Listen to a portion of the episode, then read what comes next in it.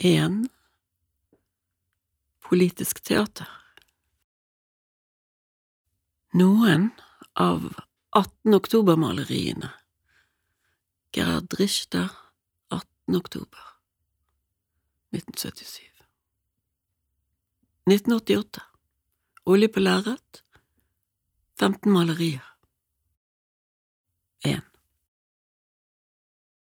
En menneskekø snodde seg ti ganger rundt Neue Nasjonalgalleri da bildene kom til Berlin. Gerhard Richters Bader Meinhof-malerier, 15 i tallet, basert på fotografier, i hellig, henging, hang, hengt. Det så ut som om køen ville løfte huset. Jeg ville se Gudrun. Og være nær og rammes inn, og være nær og rammes.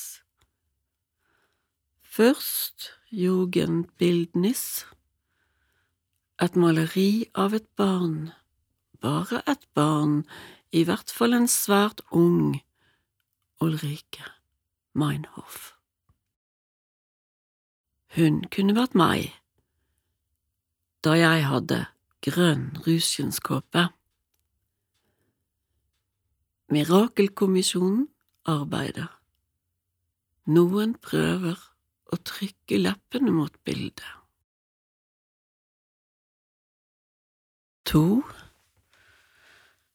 Jeg ser Gudrun Enslin på fengselsbilder. De var i bladene, og Gerhard Richter kopierte, forstørret og malte dem.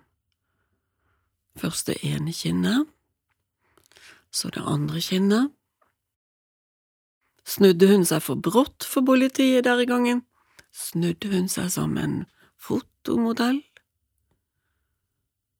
Gudrun skulle vært en helgen, men jeg kjenner ikke reglene for helgenkåring.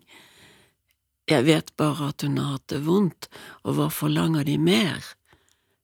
Helbredelser.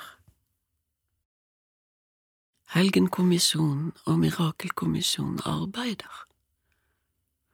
Å være nær, å skamme seg, snu seg, henge, dø, slengt på gulvet.